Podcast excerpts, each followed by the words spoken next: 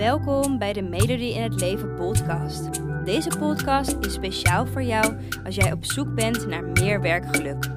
Ben jij je huidige werk zat? Wil je iets anders wat wel bij je past, maar weet je niet waar te beginnen? Dan inspireer ik je graag met mijn podcast, zodat ook jij je droombaan bemachtigt, waarbij je voldoening, uitdaging en plezier ervaart.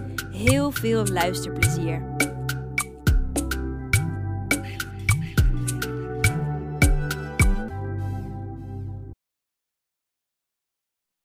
Hey hey, superleuk dat je weer luistert naar een nieuwe podcast. En ik ben op een, een term gestuurd en ik hoorde hem al vaker uh, bij een aantal uh, volgers op Instagram voorbij komen. En ik dacht, het is tijd om deze term maar eens toe te gaan lichten. Wat is het precies? En um, nou ja, een beetje helderheid geven aan deze term. Welke term heb ik het over? Quiet quitting. Quiet quitting is echt een term dat in opkomst is.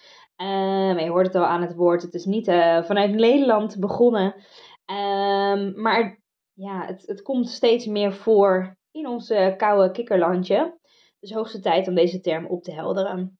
En allereerst wil ik meteen vertellen dat quiet quitting heeft niks te maken met ontslag nemen. Ik snap dat je dat misschien denkt, uh, gezien quitting, hè, stoppen.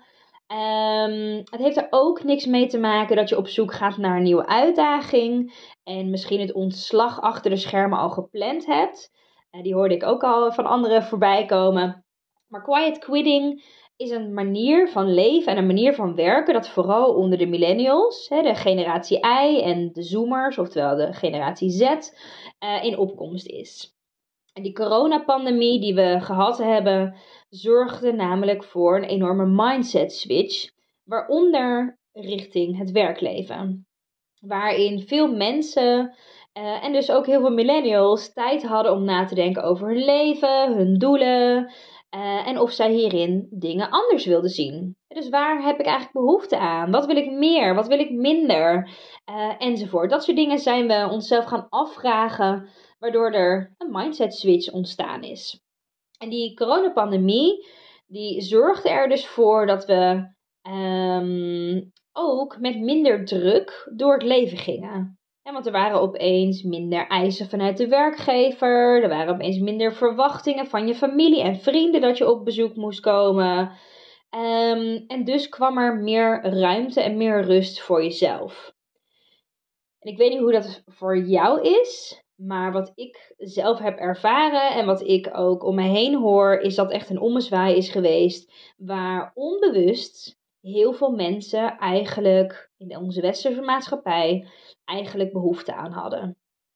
Maar nu is um, het werkende en sociale leven weer begonnen. We zijn al een heel stuk verder nadat corona voor het eerst bij ons in het land kwam.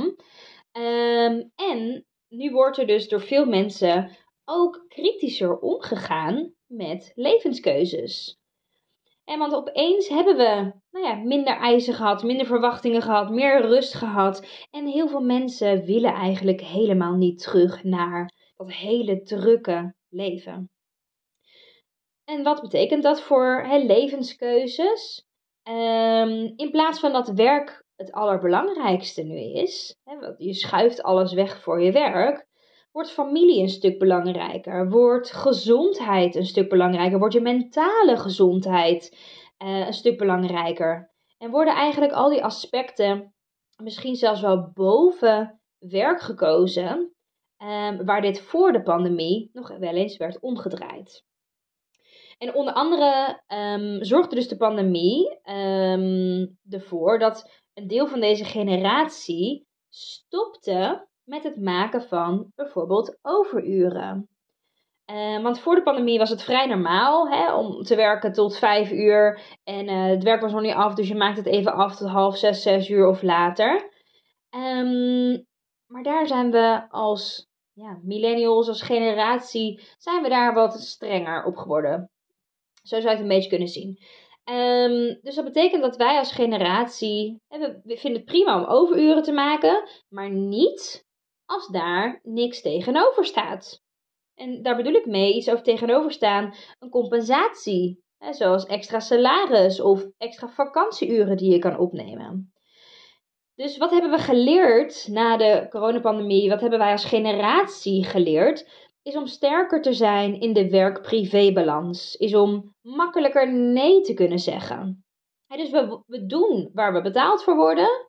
Maar we verrichten geen extra werk meer. En doen ook niet extra ons best om indruk te maken op onze baas.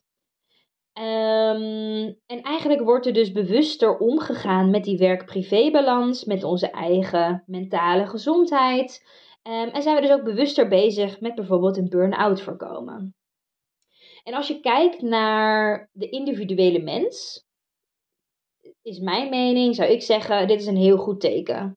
want mensen zijn meer aligned met zichzelf, zijn meer bezig met hun doelen, zijn meer bezig met wat zijn mijn behoeften eigenlijk en um, handelen hier ook meer naar.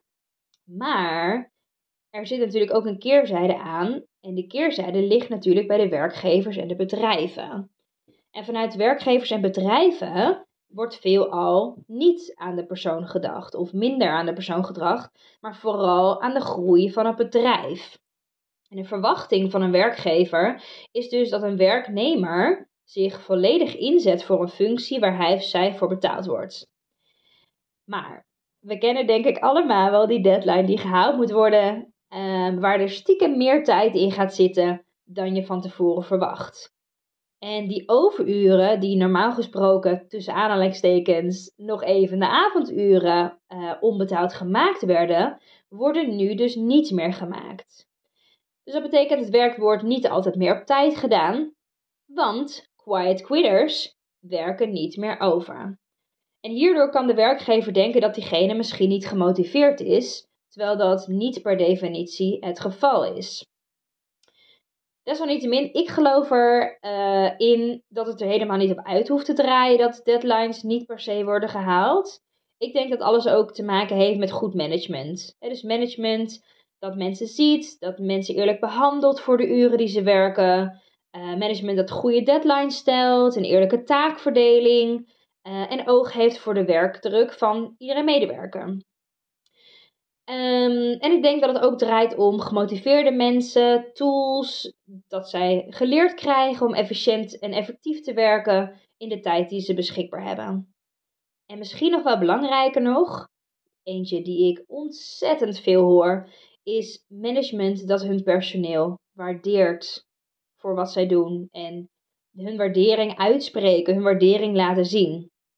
En weet je, als er dan toch overgewerkt moet worden, dan is het in mijn beleving, in mijn mening, is het ook wel zo eerlijk om daar een compensatie tegenover te zetten. Zoals extra werkuren of het normale salaris per uur. En ik durf te wedden dat ook jij, generatie I, generatie Z, millennials, ervoor openstaan om extra te werken als daar een compensatie tegenover staat. Dus dat is even een korte uitleg, of een vrij lange uitleg misschien wel, over wat quiet quitting eigenlijk inhoudt. Um, heb vooral dus, ja, prima over willen werken, maar wel als daar een compensatie tegenover staat en niet zomaar voor niks meer. En ik ben heel benieuwd, is dit een, een manier waarop jij werkt? Of zeg je nee, ik vind het echt een hele uh, ja, een hele gekke overgang hoe dit zo gegaan is. Of vind dat helemaal niet een manier hoe dat zou moeten gaan. Ik ben heel benieuwd hoe jij erover denkt.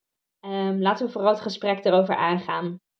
Kan me altijd een berichtje sturen via Instagram. Je vindt me onder de naam Melodie in het Leven. En dat schrijf je als m.elodie in het leven. En laat me vooral weten, um, ja, wat is jouw mening rondom quiet quitting? Voor nu wil ik je weer bedanken voor het luisteren naar deze podcast. En um, ik hoop je weer te inspireren, te motiveren bij de volgende. Hele fijne dag. Dankjewel voor het luisteren. Hoop dat ik je heb mogen inspireren om jouw droombaan achterna te gaan, waarbij je meer voldoening, uitdaging en plezier ervaart. En elke woensdag staat er een nieuwe podcast online, dus hou dit vooral in de gaten. En wil je vaker tips en inspiratie ontvangen? Volg mij dan ook op Instagram onder de naam van Melody in het Leven en ik help je graag verder. Fijne dag!